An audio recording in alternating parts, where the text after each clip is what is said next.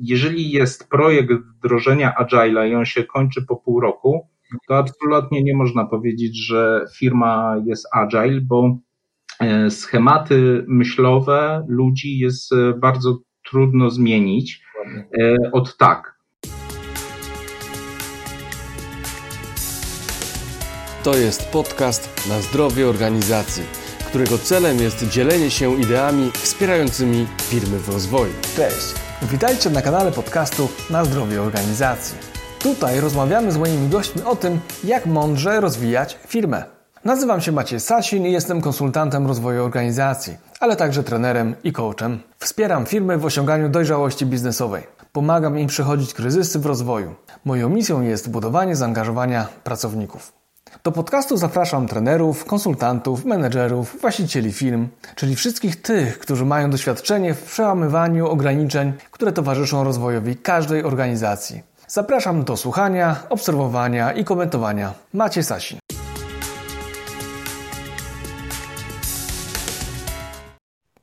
Cześć, witaj w 28 odcinku podcastu na zdrowie organizacji. Poprzednie trzy odcinki dotyczyły Pro Meeting Tools, metodologii prowadzenia spotkań biznesowych, czyli checklisty, na podstawie której napisałem narzędziownik dla menedżerów, konsultantów i trenerów. Link znajdziesz w opisie dla przypomnienia. A gościem 28 odcinka podcastu jest Ryszard Koszczyński, Scrum Master Agile Coach w Getting Noble Bank. Posiada 25-letnie doświadczenie w branży IT. Z Ryszardem poznaliśmy się na LinkedIn. Jego posty mógłbym polecać w ciemno. Ryszard, podobnie jak ja, jest zafascynowany metodami Lean i Agile. Rozmawiamy też o Zaczynaj od dlaczego Simona Sinka, a Ryszard e, o tej książce będzie mówił na spotkaniu online na meetupie Agile Book Club 2 września. Link także w opisie odcinka. Jeden z jego współpracowników mówi o nim tak. Ryszard to osoba nastawiona na szukanie usprawnień oraz sposobów, a nie powodów.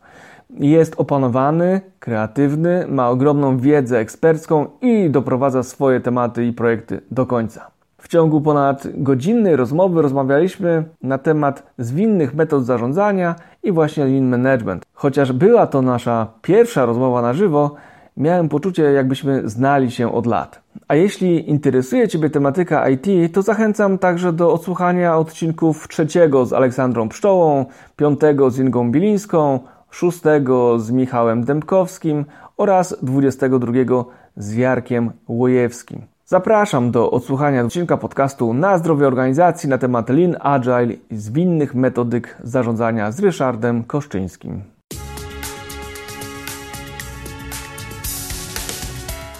Cześć Ryszard, witam Ciebie w kolejnym odcinku podcastu na zdrowie organizacji. Cześć. Na początek, jak zwykle, najtrudniejsze pytanie. Powiedz, Ryszard, czym się zajmujesz? No, nazywam się Ryszard Koszczyński. Obecnie jestem Agile Coachem w Getting Noble Banku. W IT, w bankowości działam już no, ładnych 25 lat. E, zarówno po stronie dostawców oprogramowania, jak i odbiorców w różnych e, bankach. No a ponieważ takiej trudnej pracy się nie boję, to często e, występuję w roli albo agenta do zadań specjalnych, mhm. albo strażaka, no i w sumie jeszcze parę innych określeń moglibyśmy użyć na, na, na opisanie ról, które rozwiązują problemy rzeczywiste no, lub czasem urojone. Bardzo lubię suchary, e, a moim ulubionym powiedzeniem jest to zależy.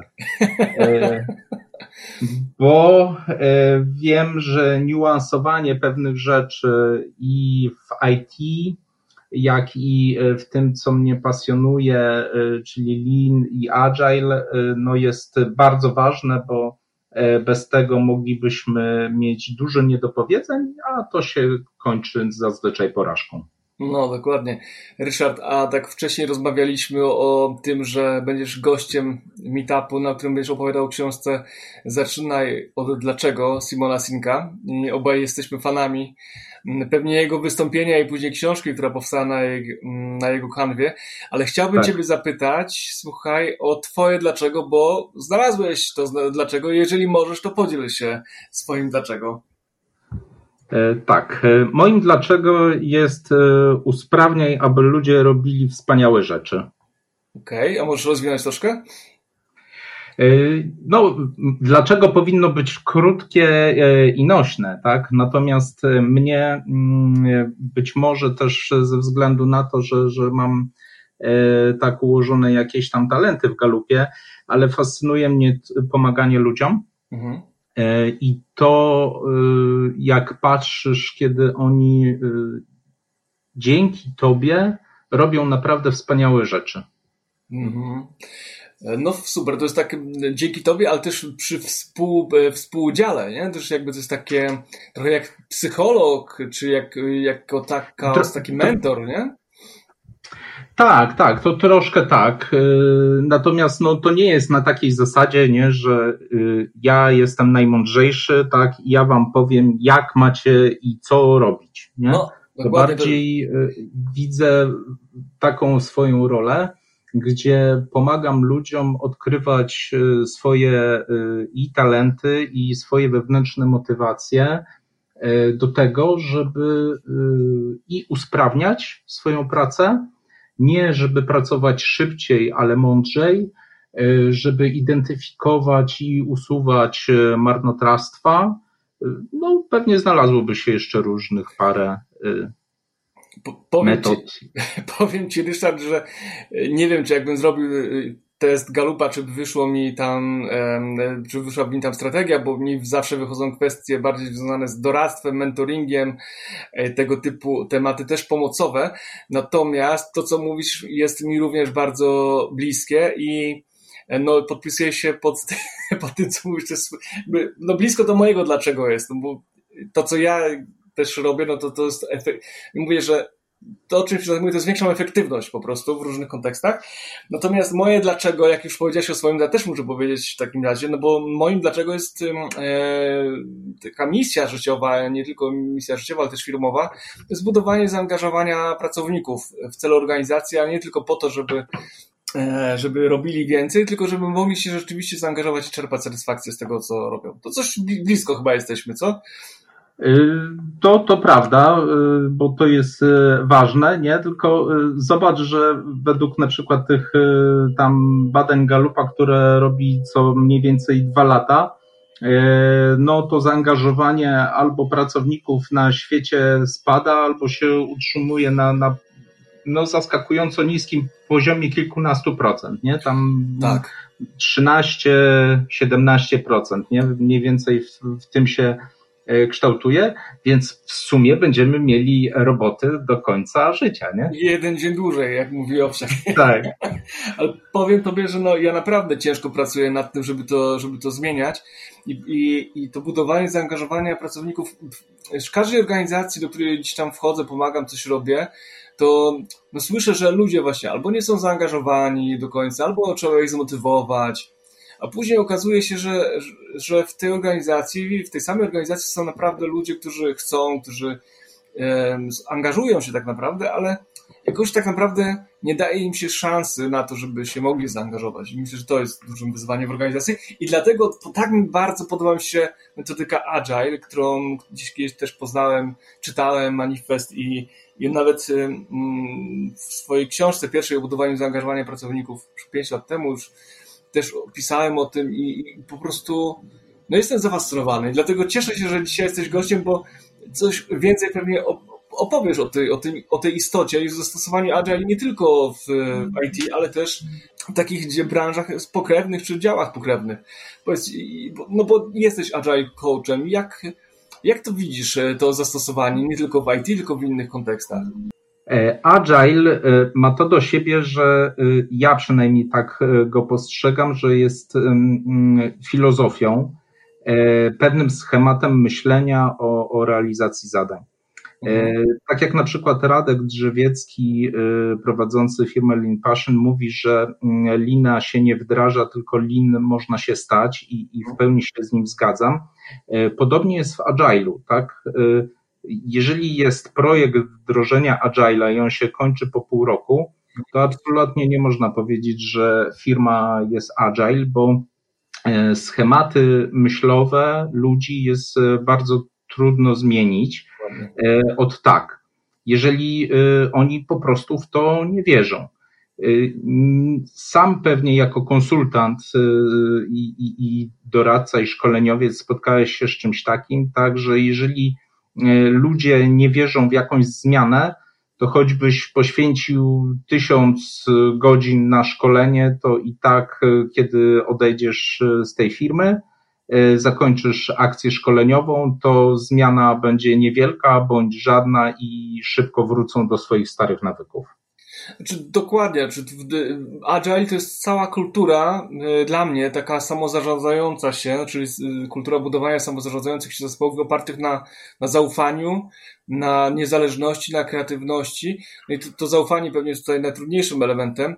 Natomiast y, kiedyś znajomy przedstawił taką fajną mm, jakby metaforę Agile'a. Nie wiem, czy się z tym zgodzisz, ale bo też istotą Agile'a jest to, że właśnie ten zespół zostawiamy samemu sobie, można powiedzieć w cudzysłowie. On się najlepiej samoorganizuje. Natomiast jak ja widzę, to klienci mają problem z tym całym mm, podejściem. I, a, a on tak fajnie pokazywał tą metaforę jakby takich małych kroczków i, i, i po prostu patrzymy, robimy mały kroczek i patrzymy na klienta, dobry kierunek? I klient mówi, dobra, no to idziemy dalej, następny kroczek, dobry kierunek? Idziemy dalej, dobry kierunek? Nie, niedobry. No to dobra, no to cofamy się do, albo idziemy w drugą stronę. To jest dobra metafora na, na, na, to, na to podejście agile'owe, bo to czasami trudno wytłumaczyć.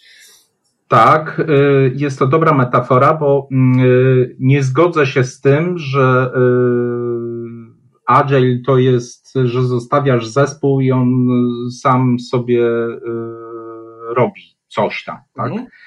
Nikt nie wie co i, i jak już coś wyprodukuje, to, to dopiero się sprawdza. Istotą Agile'a jest to, że ci twórcy, którzy Agile'a stworzyli, oni zauważyli, że według tych wszystkich badań te 75% y, projektów kończy się fiaskiem, właśnie ze względu na to, że y, brak częstej informacji zwrotnej o tym, y, czy, czy, czy cokolwiek jest dobrze, czy to ten mały kroczek, o którym powiedziałeś, właśnie jest w dobrym kierunku.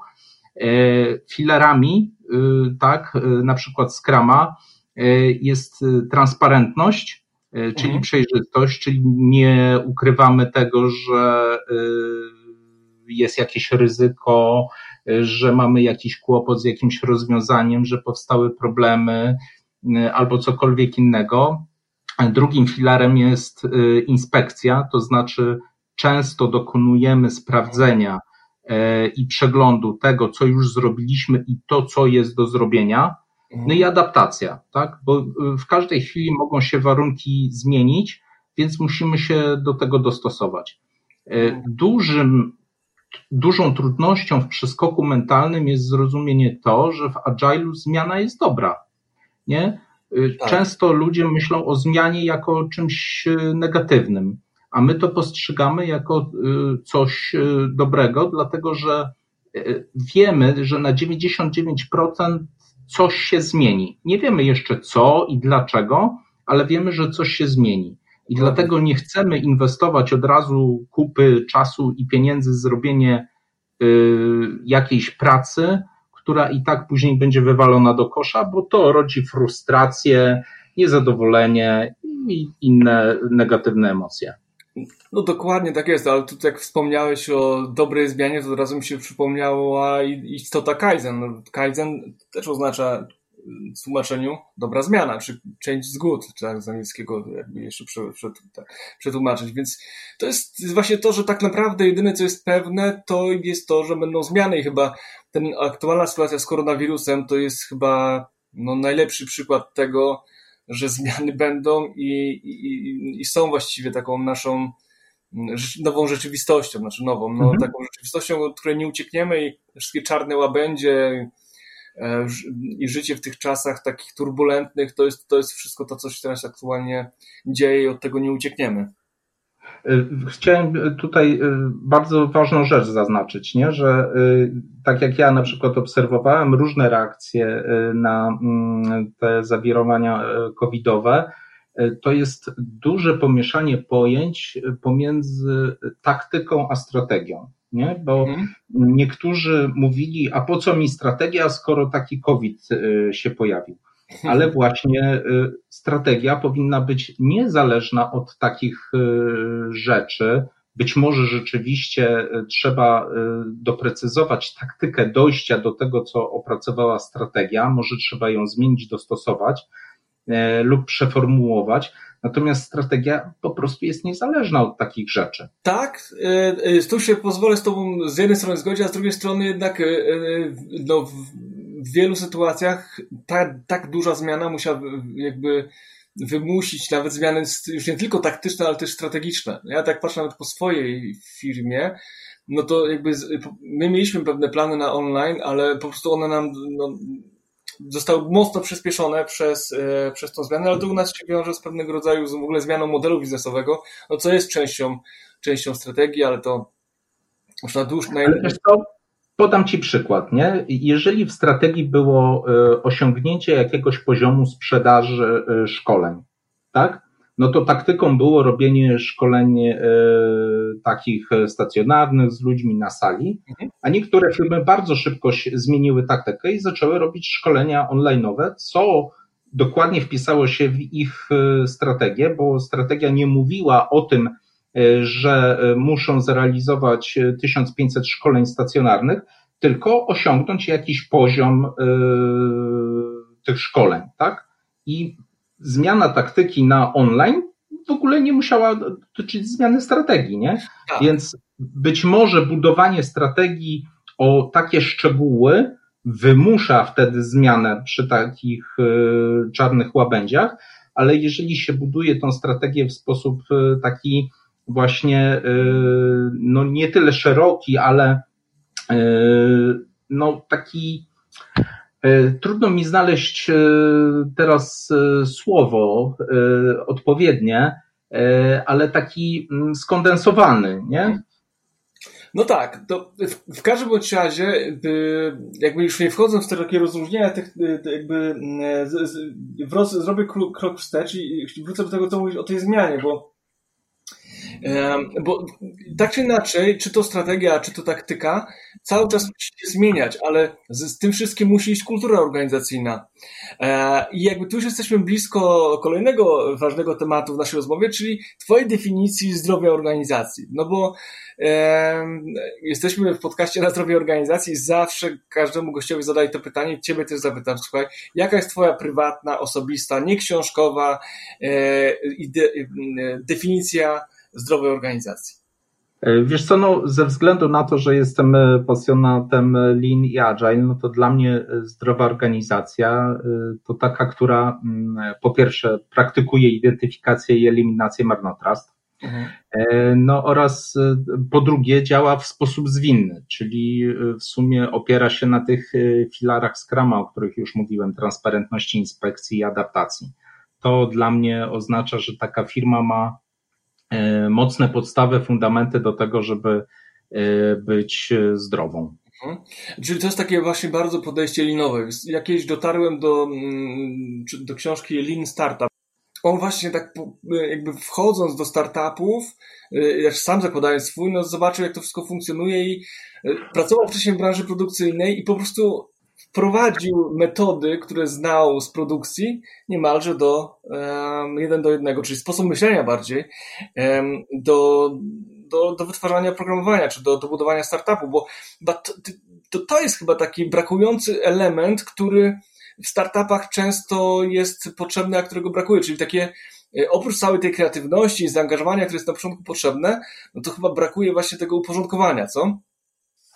Wiesz co, no, y, Każda, każda zmiana też y, raz, że no, y, ten system Kotera znasz, nie? Tak. Więc yy, tak, no, ale na przykład Craig Larman, który jest współtwórcą LESA, czyli Large Scale Scrum, mhm. on opracował prawa zachowania organizacji, które występują przy zmianie. Mhm. No i na przykład pierwszym punktem w tym jego opracowanym prawie jest coś takiego. Organizacje są całkowicie zoptymalizowane do unikania zmiany status quo menadżerów średniego i wyższego szczebla pozycji specjalistów i struktur władzy.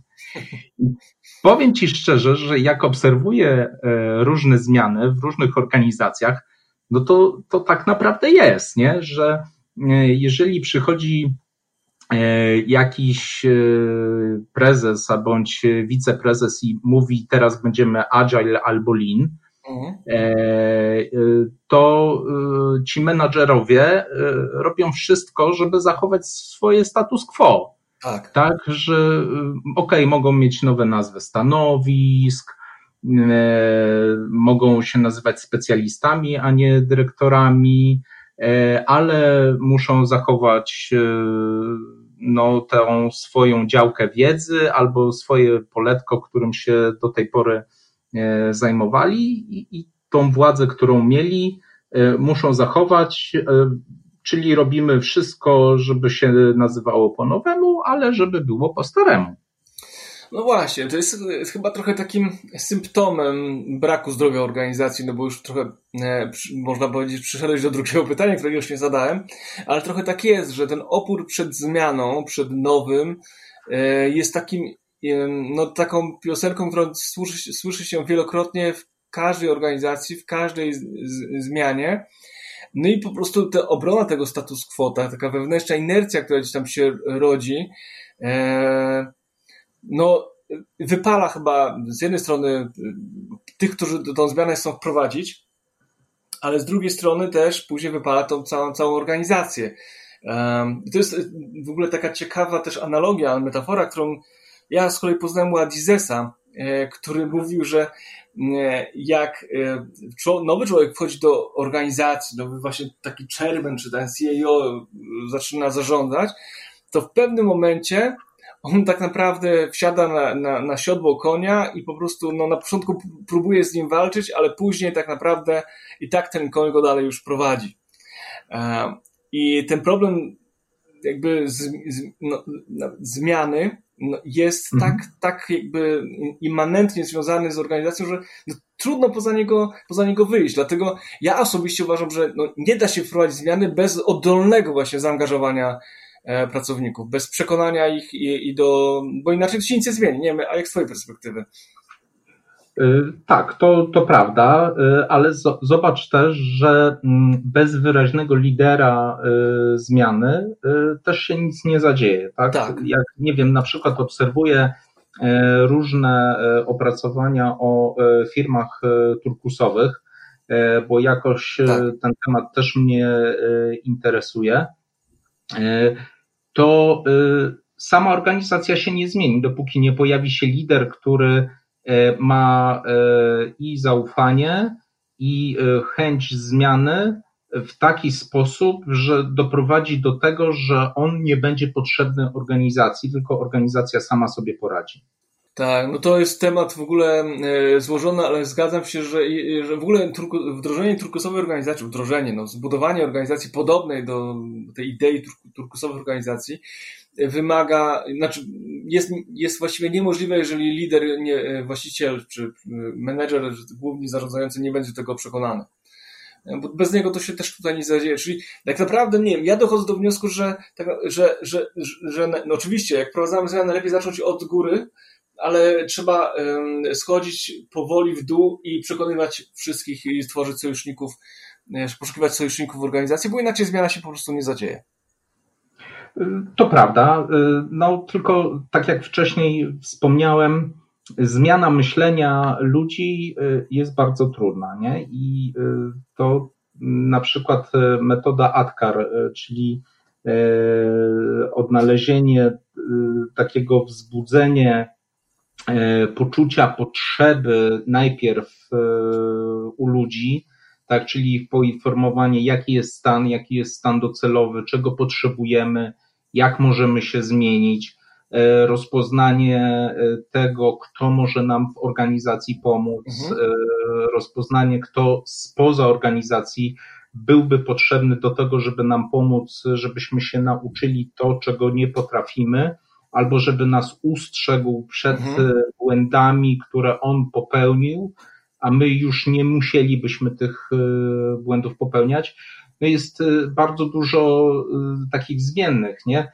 Dodatkowo oczywiście nakładają się, nie wiem, w zależności od struktury firmy, na przykład silosy, tak? tak? Albo to z tym, czym ty walczysz, brak zaangażowania, nie? No, trudno wprowadzić zmianę, gdzie ludzie w ogóle nie są za, zaangażowani, gdzie nie ufają menadżerom, gdzie de facto przychodzą tylko do roboty od 8 do 16 czy od 9 do 17, cześć czapeczka, idą do domu i nic już nie obchodzi, nie?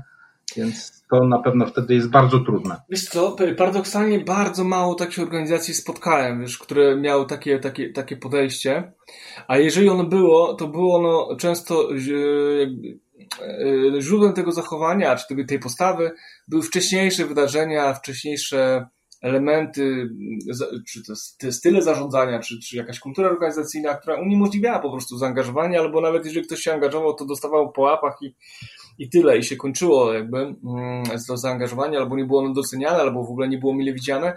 I zazwyczaj historycznie to nie jest tak, że ludzie generalnie nie są zaangażowani, tylko raczej środowisko, e, w którym funkcjonują, nie umożliwia im zaangażowania się, takiego prawdziwego zaangażowania. No jakie jest możliwe na przykład w linie, e, czy takim podejściu agile'owym, gdzie no mamy chociażby tak, macie to daily, e, te, no, te właśnie spotkania tygodniowe, retrospektywy, to wszystko umożliwia, czy wymusza wręcz zaangażowanie. Nie? Tak samo jak na produkcji, nie? koła jakości, pięć razy dlaczego i to wszystko. Nie? Wiesz co, wydaje mi się, że to też jest pewnego rodzaju mit. Mhm. Bo te wszystkie wydarzenia, y, to to jest y, ułożona jakaś rama, tak, mhm. z której y, możesz korzystać. Agile czy Scrum podaje ci jeżeli będziesz wykorzystywał te wydarzenia, te role, e, te artefakty, e, to na 99,9% uda ci się e, lepiej zarządzać czy projektem, czy dostarczać lepszy produkt. Nikt ci nie da stuprocentowej gwarancji. No, Problemem jest też to, że pomimo tego, że jest rama, to często organizacja zamiast dostosować się do tej ramy, to mówi, że jest na tyle specyficzna, że to ramę trzeba dostosować e, do tego, co jest, czyli trzeba zachować status quo. Hmm, tak. I pojawiają się problemy, nie? I mówi się wtedy, że agile nie działa, mhm. no bo nie działa, bo zamiast zmienić organizację, to zmieniliśmy metodę. Ale jest to fajnie, że o tym powiedziałeś, bo mm, to trochę mi przypomina mm, takie, taką znowu metaforę łoże prokrusta. Nie wiem, czy kojarzysz. Mhm. Właśnie, że po prostu jeżeli się, e, jeżeli ktoś jest, e, no ktoś nie pasuje do tego łoża, to albo się go rozciąga, albo się go przycina, nie? I to są takie, takie drastyczne, ale żaden, żadna z tych metod jest nieskuteczna. E, no właśnie, no i to, ta specyficzność jest, jest charakterystyczna dla każdej e, organizacji, chyba tak jak liczę historycznie, e, bo każda firma patrzy przez pryzmat produktu, a nie przez pryzmat procesu. Nie? Zgodzisz się z tym ze mną? Mhm. Ale to, to, to się sprowadza do tego, o czym, od czego zaczęliśmy, tak? Od zaczynaj dlaczego, od tego złotego kręgu Sinka, mhm. E, gdzie e, w kręg, są trzy kręgi, tak? Co, tak. jak, dlaczego. I e, większość firm zaczyna od tego co. Tak. Niektóre wiedzą jak, prawie żadna nie wie dlaczego. Nie? A mhm. powinno się za, zaczynać od drugiej strony, tak? Czyli najpierw powiedzieć, dlaczego robimy to, co robimy, później jak, a de facto dlaczego jest to tym, w co wierzymy, mhm. E, tak, jak e, realizujemy w to, co wierzymy, no i co jest wynikową tego, w co wierzymy i jak to robimy. Dokładnie. Bardzo fajna, bardzo fajna w ogóle kanwa. Ja uwielbiam, uwielbiam ją, jak ją poznałem, jak posłuchałem pierwszego tego, no, wystąpienia Sinka, no to wielokrotnie e, puszczałem ją na szkoleniu, teraz już tego nie robię, ale, ale, mm, ale wielokrotnie puszczałem to jako taki przykład właśnie budowania, budowania kultury. E, to jest świetny przykład, ale wiesz co, jeszcze chciałbym nawiązać do coś, co mówiłeś na początku, że, że lin, linu się nie wdraża, tylko lin się, jak to powiedziałeś? Można stać. Linowi się może stać, a ja myślę inaczej, że linem to trzeba się zarazić. Tak Zobacz, tak jak w filozofii, nie?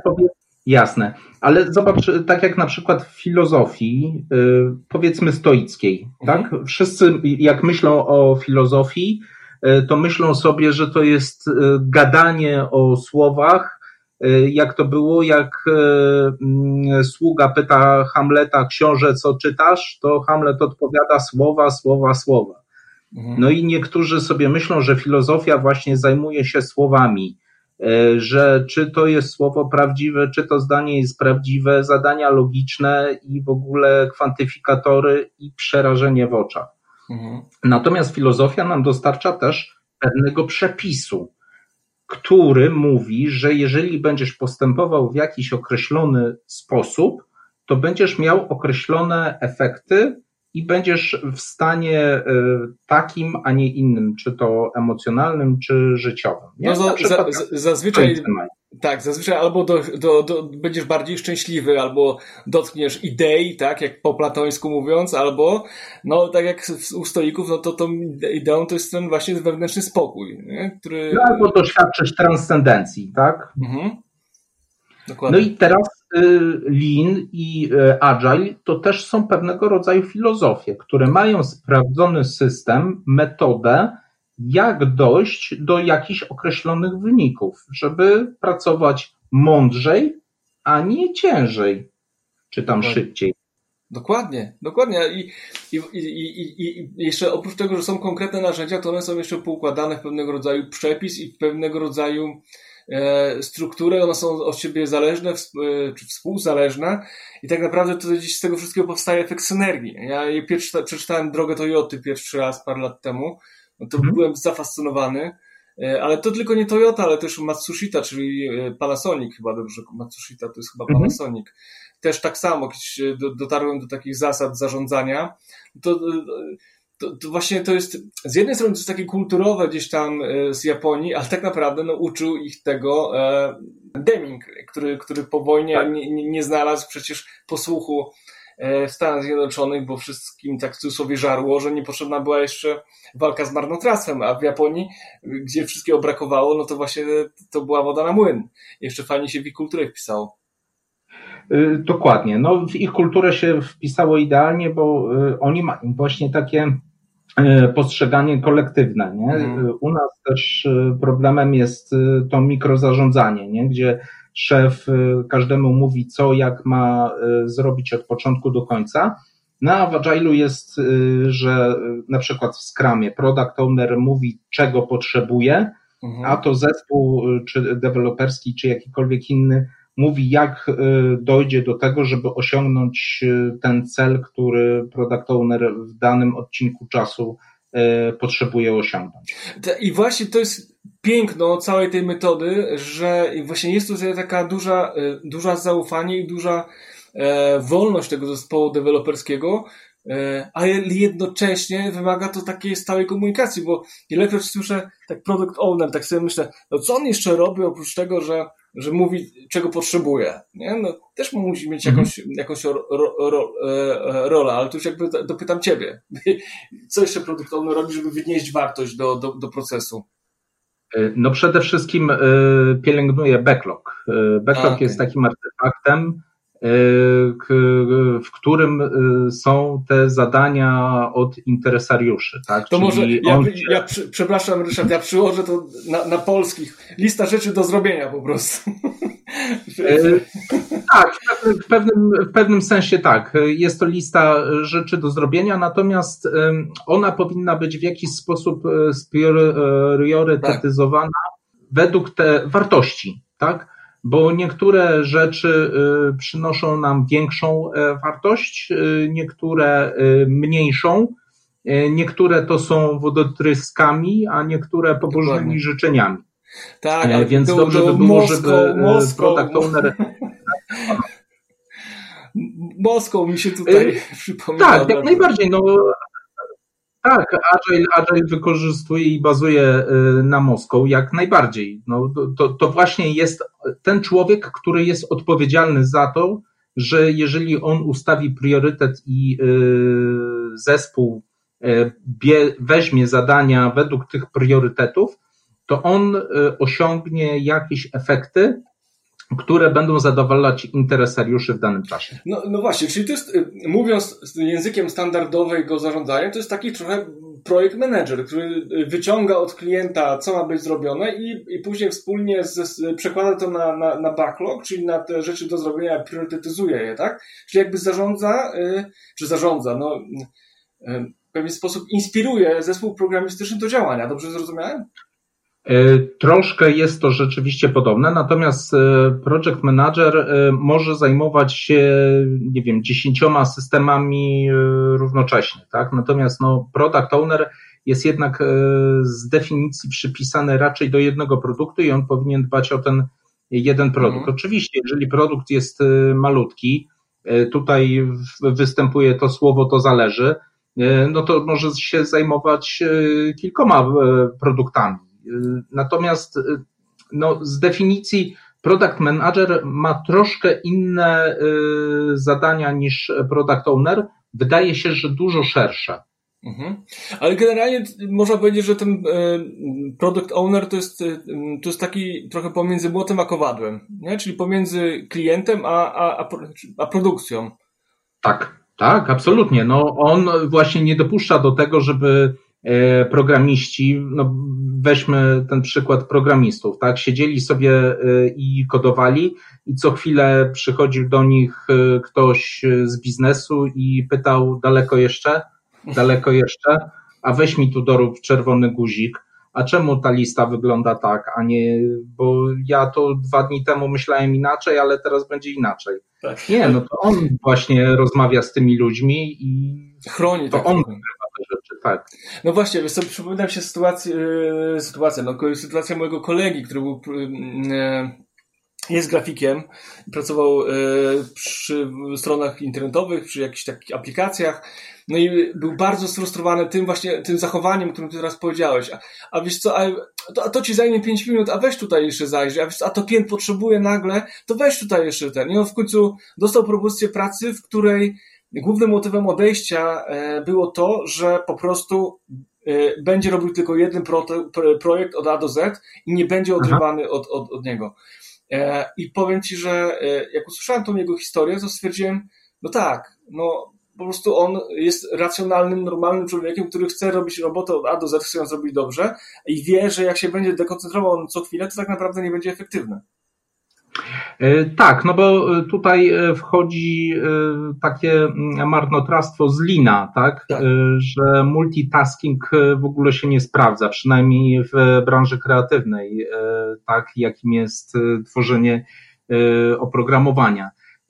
Przełączanie się między zadaniami to jest po prostu marnotrawstwo czasu i talentów ludzi, którzy jakieś tam algorytmy piszą. Wiesz co, ale taka ciekawostka w ogóle, jak powiedziałeś o branży kreatywnej, e, z, z, z książki e, Lin, Lin w usługach, tam przeczytałem taką mm, tezę, że e, w takich nawet agencjach kreatywnych to kreatywności to jest jakieś 5% maksymalnie. Reszta to jest proces. Tak, zgadzam się, bo nawet doświadczeni programiści, tak, większość kodu który znajduje się w nowych programach, y, to kopiują, czy z open source'owych y, jakichś rzeczy, albo z wcześniej napisanych przez siebie programów. Bo wykorzystane algorytmy, dobrze napisane algorytmy powinny być powtarzalne. No właśnie, a to jest no bo jest, y, dla mnie też jednym z symptomów zdrowia organizacyjnego to jest y, zarządzanie wiedzą. Teraz jakby rozumiem ten przykład, który podałeś, to jest właśnie trochę zarządzanie wiedzą, czyli y, wiemy, że coś już zrobiliśmy podobnego, no to teraz dobrze, dobrze byłoby to wykorzystać. Coś to się ładnie chyba nazywa repozytorium kodu, tak? Czy gdzieś tam też branżowo? Tak, no ale repozytorium kodu y, to jest no, miejsce, gdzie ten kod się składuje, tak? Zabezpiecza, żeby inni y, programiści z zespołu też mogli y, z tego korzystać i go uzupełniać. No właśnie. E, sam, sam Scrum i Agile polega też na przyrostowym rozwijaniu danego produktu.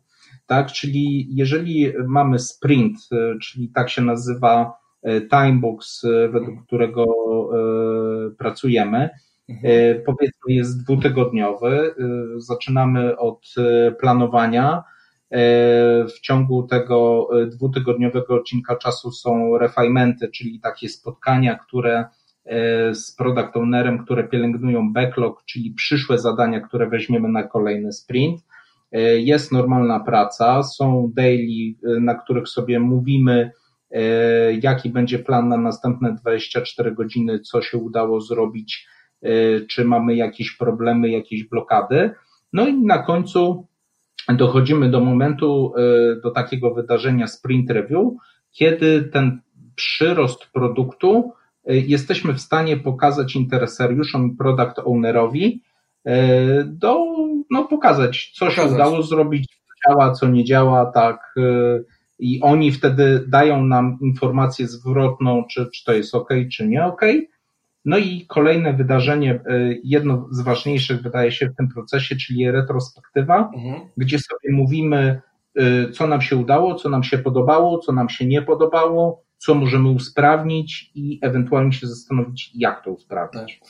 No to jest właśnie to, co opisałeś, jest taka piękna, piękna struktura, piękne narzędzia, które pomagają w dojściu do, do, do lepszego rozwiązania, do, do wyprodukowania lepszego programowania. Tutaj ciekawostka, że w IT e, też się mówi produkcja. Tak, jak... tak, tak, absolutnie. No ale bardziej produkcja e, dotyczy określenia środowiska produkcyjnego, czyli tego, działa, do, na, na którym już e, działają klienci. Okay. To jest takie określenie. Nie mamy na przykład środowiska rozwojowe, E, na których e, deweloperzy piszą, e, kolejne środowisko testowe, na których testerzy testują, kolejne środowisko, na przykład release candidate, czyli takie, gdzie wykonujemy jakieś testy regresyjne, no i dopiero oprogramowanie może, jeżeli przejdzie przez te wszystkie środowiska, trafić na produkcję.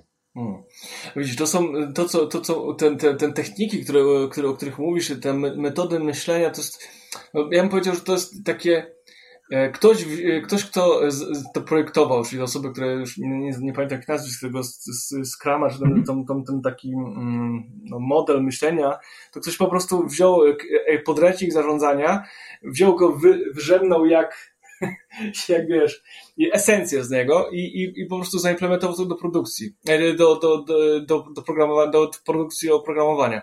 No bo tak... co, no, ta, ta, cała metoda mocno się opiera na empiryzmie, tak? E, czyli tak. na takim y, doświadczeniu czegoś.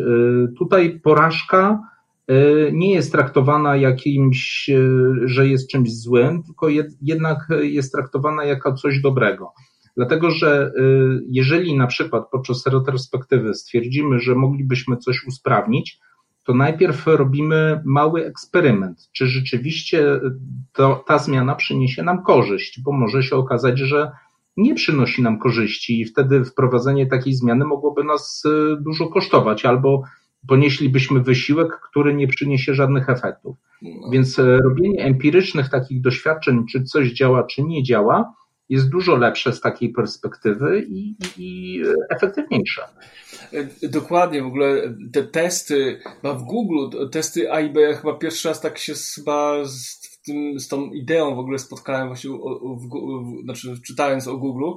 To jest w ogóle mhm. piękna, piękna rzecz. Oczywiście to wszystko gdzieś tam było w in, wcześniej, to się, nie wiem, no, w motoryzacji na przykład zawsze się testuje samochody i tak dalej, ale właśnie tak fajnie jest to opisane, że Google właśnie każdą rzecz, którą wprowadza, najpierw testuje na określonej grupie, sprawdza, wszystko przelicza, dopiero później wdraża tą zmianę w całej, jakby w całej oprogramowaniu. Nie? To jest taka idea, która naprawdę jest fajna, bo no nie, nie, nie rozmawiałem tutaj, kto ma, e, kto, kogo racja jest mojsza bardziej, czy bardziej, wiesz, no, lepsza po prostu, tylko po prostu liczymy, sprawdzamy, mierzymy i podejmujemy decyzje na podstawie danych.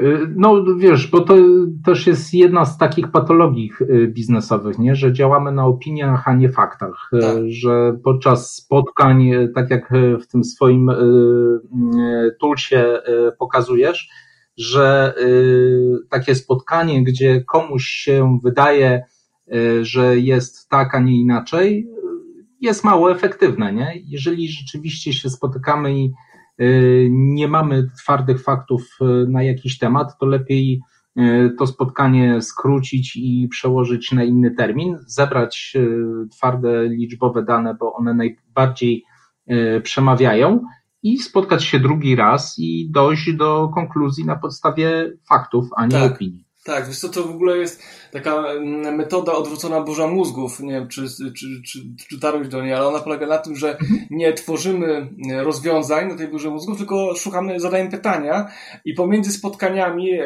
w burzy mózgów, znaczy pomiędzy zespołu, e, szukamy odpowiedzi na te pytania, które zadaliśmy i które uznaliśmy za, za trafne, tak, czyli jakby odkrywanie e, pytań, które, myślenie takimi pytaniami, odkrywanie przez, przez te stawianie pytań, jakichś E, potencjalnych usprawnień, marnotrawstwa, czy powoduje, że no, organizacja może się, może się rozwijać w różnych, w różnych kontekstach.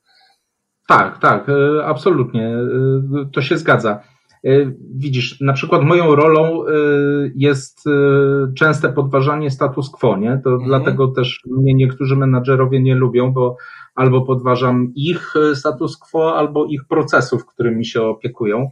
Mhm. E, no, taka moja praca, e, ale e, w momencie, kiedy mm, próbujesz do danego problemu podejść od innej strony, z innej perspektywy, pokazuje albo jego słabość, albo właśnie momenty, gdzie coś można zmienić tak, żeby było lepiej. I nie tylko ludziom, ale też klientom. No właśnie, a tu dochodzimy do bardzo ważnego mm, elementu, tak? Bo czy to w kulturze Lean, czy w kulturze no, Agile, no oprócz yy, yy, wiedzy, kompetencji i tak dalej, potrzebna jest pokora. E, czyli taka umiejętność Absolutnie. przyjęcia właśnie e, błędu jako pewnego rodzaju prezentu. I tak sobie myślę, że to, właśnie to, co mówiłeś wcześniej, że powstaje taka reakcja obronna, kiedy, do, kiedy dowiadujemy się o jakichś luce w, pro, w procesie, a powinniśmy się z niego cieszyć, że odkryliśmy błąd i teraz mogę go naprawić, mogę go zmienić. A wydaje mi się, że ta kultura e, takiego myślenia jest cały czas, nie jest, nie jest obecna jeszcze w, w, w takich, no, w sposobie zarządzania, nie tylko chyba w Polsce, ale też na, no, jeszcze w ogóle na całym świecie. Wiesz co, no, no na przykład różnica między y, y, tą kulturą azjatycką i naszą, nie, y, czy Lean Toyoty jest taka, że jak ktoś tam zostanie menadżerem, to on rzeczywiście ma taką pozycję służebną, nie? że on mhm. jest kimś dedykowanym do pomocy swoim pracownikom. I dlatego w kulturze azjatyckiej tak Lean bardzo się sprawdza, bo ci liderzy, oni rzeczywiście są ze swoimi pracownikami e, i próbują pomagać im rozwiązywać problemy. W naszej kulturze to jest e, tak troszkę e, na takiej zasadzie, że jak już zostajesz menadżerem, no to przecież masz kupę bardzo ważnych spotkań na poziomie dyrektorskim, żaden z Twoich pracowników e, nie może Cię złapać, nie jesteś dostępny, musisz sobie e, najczęściej radzić sam, lub dyrektor nie będzie się zniżał do rozwiązywania tak błahych problemów, więc no, to jest spora różnica. Być może to jest poziom ego, nie? Też, no. że nie po to tyle wyrzeczeń e, robiłem, żeby dostać się na to stanowisko, żeby teraz e, pomagać ludziom niżej. Co, ja, ja myślę, że mm, e, znaczy troszkę inaczej myślałem o tym że że nawet jeżeli, znaczy to jest kwestia niezrozumienia roli, bo mam wrażenie, że często menedżerowie jak zostają menedżerami, to zostają z racji tej, że mają wielką wiedzę i są świetnymi specjalistami i będą mówić innym, jak ma, co mają robić. I to jest chyba taka pułapka, w którą się wpada. Jak jestem teraz menedżerem, to już muszę wszystko wiedzieć i i, i, i jakby no wszystkich tą wiedzą obdarzyć w zespole, no i jednocześnie mm, no to wtedy też to zaangażowanie innych spada, no bo jak ego menedżera musi być za, zaspokojone, no to wtedy mhm. inne ego no, musi być, zostać poskromione. E, I ja, ja w tym widzę problem, że, my, że, że menedżerowie często nie widzą tego, e, tej swojej roli w, taki, w takim właśnie kontekście, ale też w kulturze amerykańskiej też to jest obecne, bo Blanchard przecież twórca tego sytuacyjnego, koncepcji przywództwa sytuacyjnego, napisał też taką książkę Przywództwo wyższego stopnia, gdzie właśnie wskazał tą odwróconą piramidę, gdzie to menedżerowie są na dole, a na górze są pracownicy. E, I tak. to jest bliskie tej kulturze japońskiej. Tylko pytanie, jak z wdrożeniem tego w organizacjach, czy amerykańskich, czy nawet tutaj europejskich. Raczej no nie jest to taką, taką praktyką, chociaż turkusowe organizacje, no to rzeczywiście zaczynają tak funkcjonować, nie? że jest dużo, dużo większe partnerstwo tak, no niewątpliwie jest e, potrzebna zmiana myślenia, tak? E, właśnie przełamanie tych schematów, e, wobec których jakoś działaliśmy przez x lat, że doszliśmy do tego poziomu, na którym jesteśmy. Kosztowało nas to nie wiadomo ile wyrzeczeń i trudności, i teraz powinno się zacząć działać inaczej, nie? Mhm. I tu jest problem z przełamaniem tego, bo mieliśmy jakieś wzory y, menadżerów, y, którzy byli dla nas y, jakimiś wzorami, bo oni taką, a nie inną metodą dochrapali się stanowiska i my podobnym tokiem szliśmy i też doszliśmy do jakiegoś poziomu i teraz będziemy działać inaczej? Dlaczego? No tak, no mamy tylko te wzorce, które, które mamy, ciężko, ciężko je zmienić. Rzeczywiście, kiedyś o tym myślałem, że tak naprawdę przeciętny człowiek w Polsce, kiedy jeszcze, no, może teraz to się zmienia, ale no, kiedyś ludzie pracowali przez całe życie w dwóch, trzech zakładach pracy, tam mieli mm, kilku menedżerów i tak naprawdę mm, nie mieli skąd czerpać innych wzorców, jak tylko od tych, którzy, który, nimi zarządzali, a zarządzali zazwyczaj twardą ręką i im był twardszy, bardziej wzbudzający posłuch menedżer, tym był bardziej postrzegany jako skuteczny. Czyli jak mu nikt nie podskoczył, no to było fajnie. A teraz to się jednak zmienia i ta kultura musi się też zmienić, bo, e, bo trochę inne czasy.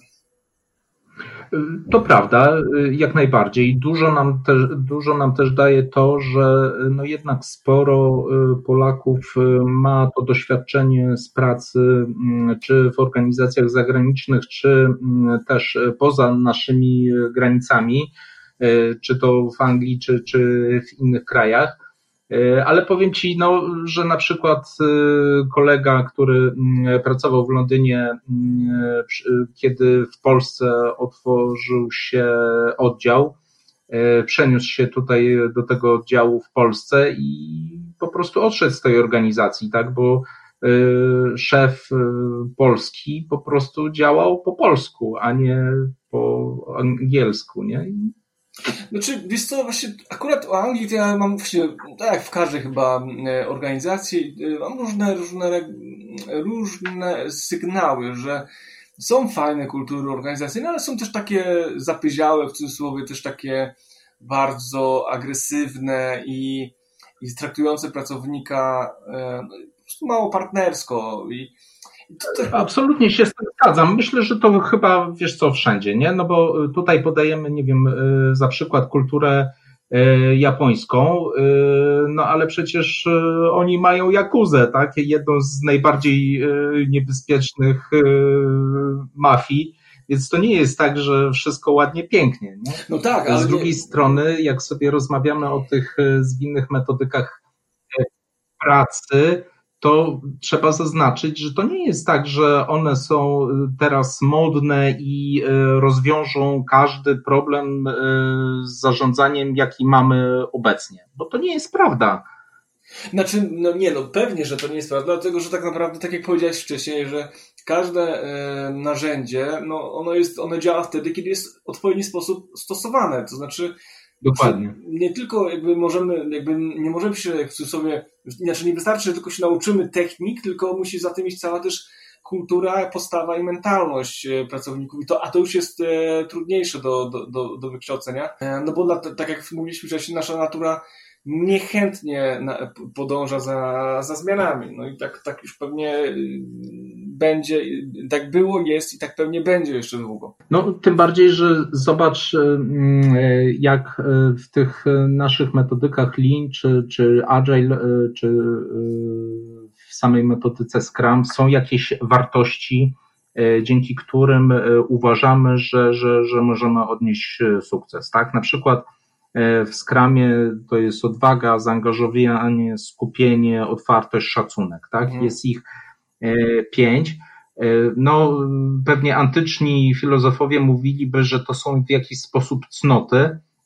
No, a cnota to jest taka stała dyspozycja do działania w pewien określony sposób, nie? Czyli na mhm. przykład biorąc na warsztat odwagę, to nie jesteś odważnym wtedy, kiedy raz uda ci się y, powiedzieć prezesowi, że nie, tak nie zrobimy, bo to jest złe, tylko zawsze, gdy będzie coś złego, to będziesz w stanie za każdym razem y, powiedzieć, że coś jest złego i y, otwarcie, ze względu też na ten filar transparentności, mówić o tym, co jest złe.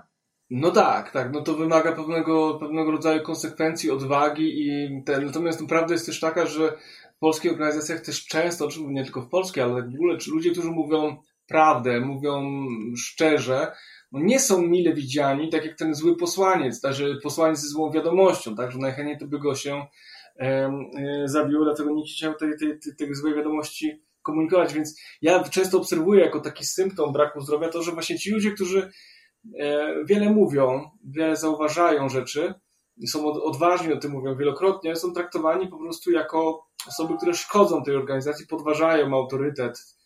E, I, no i one prędzej czy później albo zostaną wypchnięte z tej organizacji, albo po prostu sami, sami odchodzą.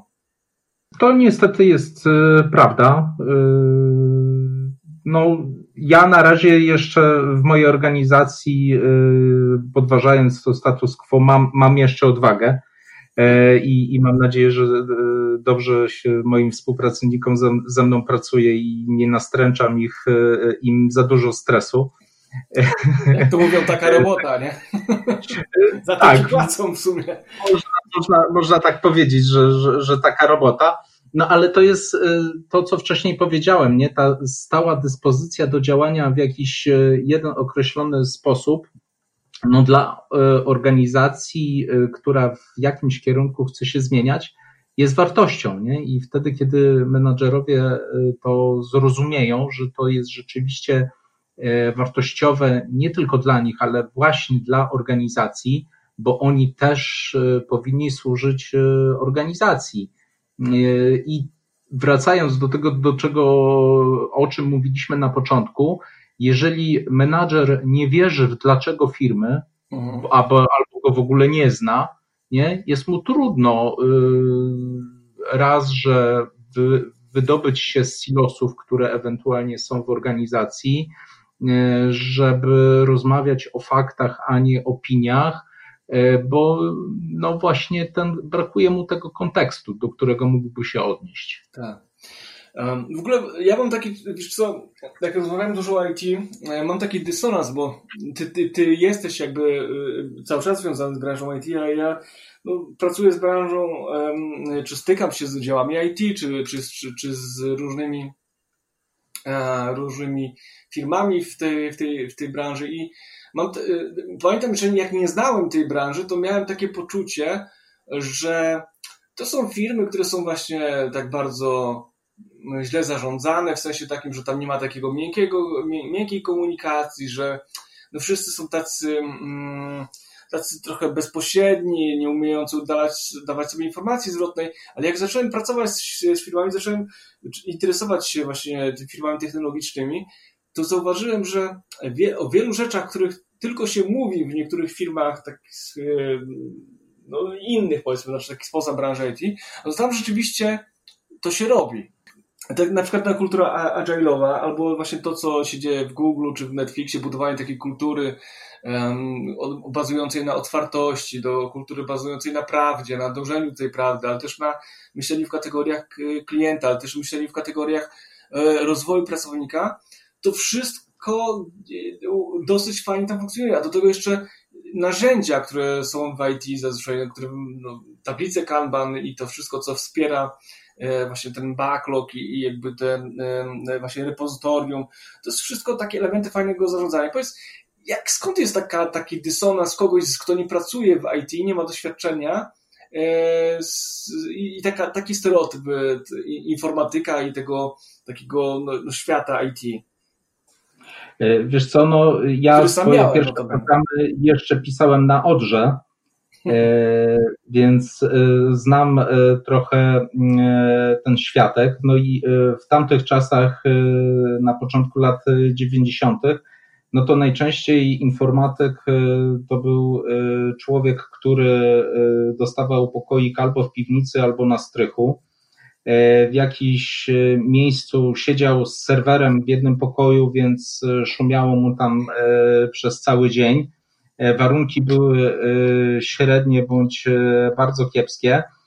Najczęściej wtedy jeszcze nie montowano z serwerem klimatyzacji, więc najczęściej wszystko się grzało. I kiedy przychodziła pani i mówiła, że zacięła jej się drukarka, a on odburkiwał, E, i przychodząc do jej pokoju, nagle okazywało się, że wszystko e, działa, bo, a on w ogóle niczego nie dotknął, tak? No to był traktowany trochę e, jak magik, albo właśnie taki ogr, nie? który siedzi w tej jaskini i na wszystkich burczy, mądruje się i, w ogóle nie jest do ludzi. A, I myślę, że stąd ten, stąd ten stereotyp. Tak, a Agile i Scrum rzeczywiście raz, że wprowadził taką rolę e, Scrum Mastera, e, czyli mm, no, takiego servant lidera, tak, czyli lidera służebnego. E, to nie jest absolutnie menadżer, to jest dedykowana osoba, która mm, wspomaga zespół deweloperski i product ownera do tego, żeby praca szła płynnie, E, i e, pomaga właśnie e, w tych aspektach komunikacyjnych, rozwiązywaniu problemów, uczy tego systemu. No, takie, jest, takie są główne jego zadania. I w tym bardzo dobrze się też odnajdują mm, kobiety. No, pokazuje, że to, to nie jest prawda, że, że to są ogry, które na wszystkich burczą, tylko to są normalni, zwykli ludzie, e, którzy e, chcą po prostu robić zadania. Nie? Kiedy ty mówisz o tym, że e, próbujesz budować zaangażowanie w zespołach, no to nie jest tak, że ludzie przychodzą do pracy i oni chcą źle pracować najczęściej zmuszają ich do tego jakieś okoliczności. Nie? I ten model e, pracy zwinnej, jeżeli działasz według tego przepisu, powoduje to, że pracujesz mądrzej, a nie tak. ciężej. Tak, dokładnie. Znaczy tutaj mówię, że fajnie już o tym wcześniej powiedziałeś, że te wszystkie działania są po prostu, one są racjonalne e, i przejęcie ich właśnie tych racjonalnych metod funkcjonowania z, produ z produkcji jest, jest czymś tak naturalnym, że my, jeżeli komputery były by, byłyby szybsze od, czy komputery, znaczy IT byłoby szybciej powstało niż, zakłady produkcyjne, to pewnie samo by doszło do tych, do tych rozwiązań prędzej czy później, nie? jeżeli by to, by, by to nazwało, a to gdzieś rzeczywiście to to, to przeniesienie gdzieś tam, ta inspiracje są, są, są widoczne w nazewnictwie. To, to też wynika trochę z tego, że Agile ma funda w fundamencie zdrowy rozsądek i pragmatyzm.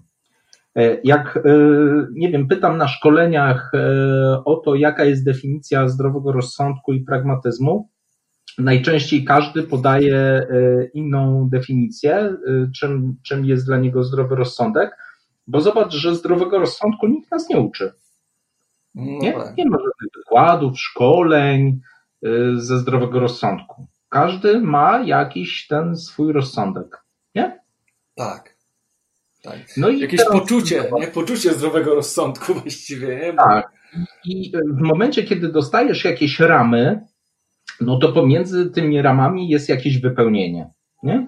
I tutaj e, właśnie działa ten zdrowy rozsądek, że pomimo tego, że firma robi podobny produkt albo nawet taki sam, to dwa zespoły, ich skład jest różny, ludzie są różni i pomimo tego, że wykorzystują tą samą metodę, mogą ten produkt robić inaczej.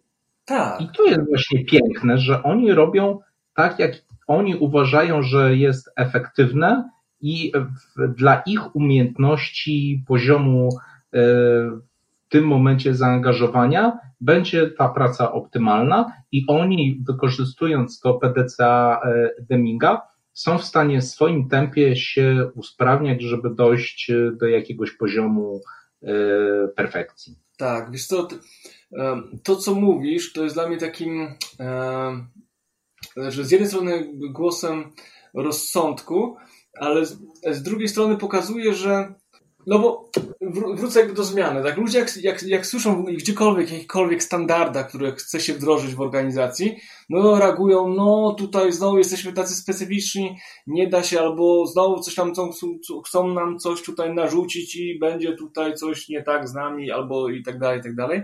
Natomiast właśnie piękne jest to w standardach, że uważam w mądrych standardach jest to, że może, podam banalny przykład jeżeli elementem standardu jest uśmiechnięcie się do klienta, to można się uśmiechnąć na swój sposób. można na tysiąc, na tysiąc różnych milionów sposobów się uśmiechnąć albo przywitać po prostu klienta i to nie musi być e, szablon, który jest odtwarzany. każdy standard można napełnić swoją e, niepowtarzalnością, swoją, swoją treścią. No tak, tylko jeżeli wiesz, dlaczego to robisz, nie? No tak. bo y, sam pewnie, pewnie miałeś doświadczenie y, wchodząc do jakiegoś sklepu, gdzie sprzedawczyni obdarzała cię uśmiechem numer 5, który z gruntu rzeczy zauważasz, że jest po prostu sztuczny czy fałszywy. I no, znaczy, takie, coś też nie wzbudza zaufania, nie? Po, powiem Ci, że częściej raczej widzę, że ktoś się nie uśmiecha niż uśmiecha się nieszczerze. Zresztą, zresztą jest takie powiedzenie chińskie też, że jak nie potrafisz się uśmiechać, to nie otwieraj sklepu i nie pracuj w sklepie, bo, e, mhm. bo, bo po prostu do tego no, no, musisz witać ludzi, żeby oni czuli sympatię. Słuchaj, tak powoli kończąc, fajnie się rozmawia, mógłbym tutaj jeszcze z tą gadać pewnie z północy, ale chciałbym zapytać Ciebie, jakby bazując na swoich doświadczeniach, jakbyś miał doradzić menedżerom, przedsiębiorcom, no, udzielić takich dwóch, trzech rad, e, jak budować zdrowe organizacje, to co by to było? Takie twoje naj, najważniejsze. E, no to dwie najważniejsze to najpierw zmieńcie myślenie swoje, a później zaproście do tego ludzi, Y, czyli jeżeli wy sami zmienicie y, myślenie, to nie komunikujcie tego i w sposób oznajmiający, że teraz będzie po nowemu, tylko mhm. raczej zaproście ich do tej zmiany. No i jeżeli transformujecie już kulturę organizacji, tak, to nie, nie róbcie tego właśnie sami. Jeżeli macie wiedzę i umiejętności, to zaproście swoich ludzi do tej zmiany a jeżeli nie, no to po prostu zaproście e, z zewnątrz kogoś, e, kto e, wie, bo po prostu najzwyczajniej w świecie szkoda czasu i pieniędzy na wyważanie otwartych drzwi, czyli popełnianie błędów, które już inni popełnili, a można się na nich nauczyć.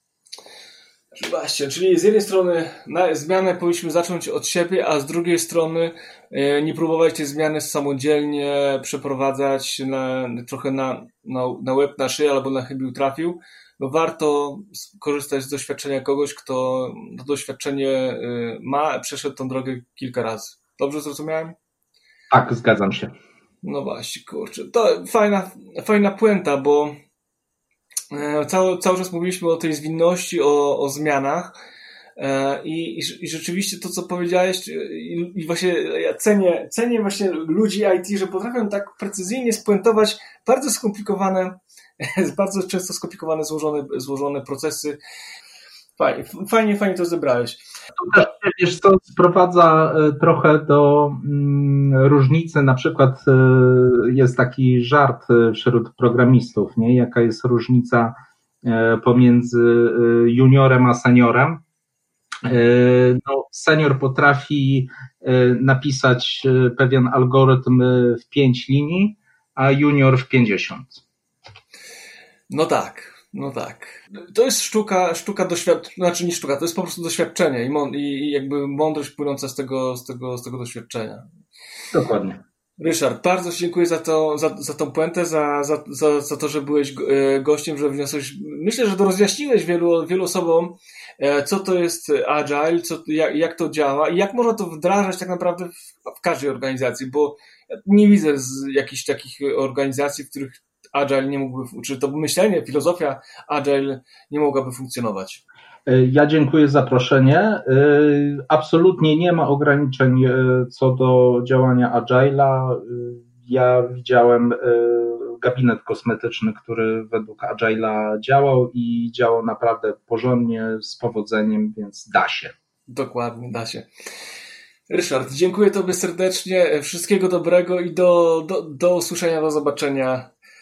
Pewnie na LinkedIn, ale mam nadzieję, że niedługo też w, w realu. No i w ogóle polecam słuchać, czy, czy czytać Ryszarda na LinkedIn, bo ma bardzo fajne posty i dużo fajną, bardzo fajną dzieli się wiedzą.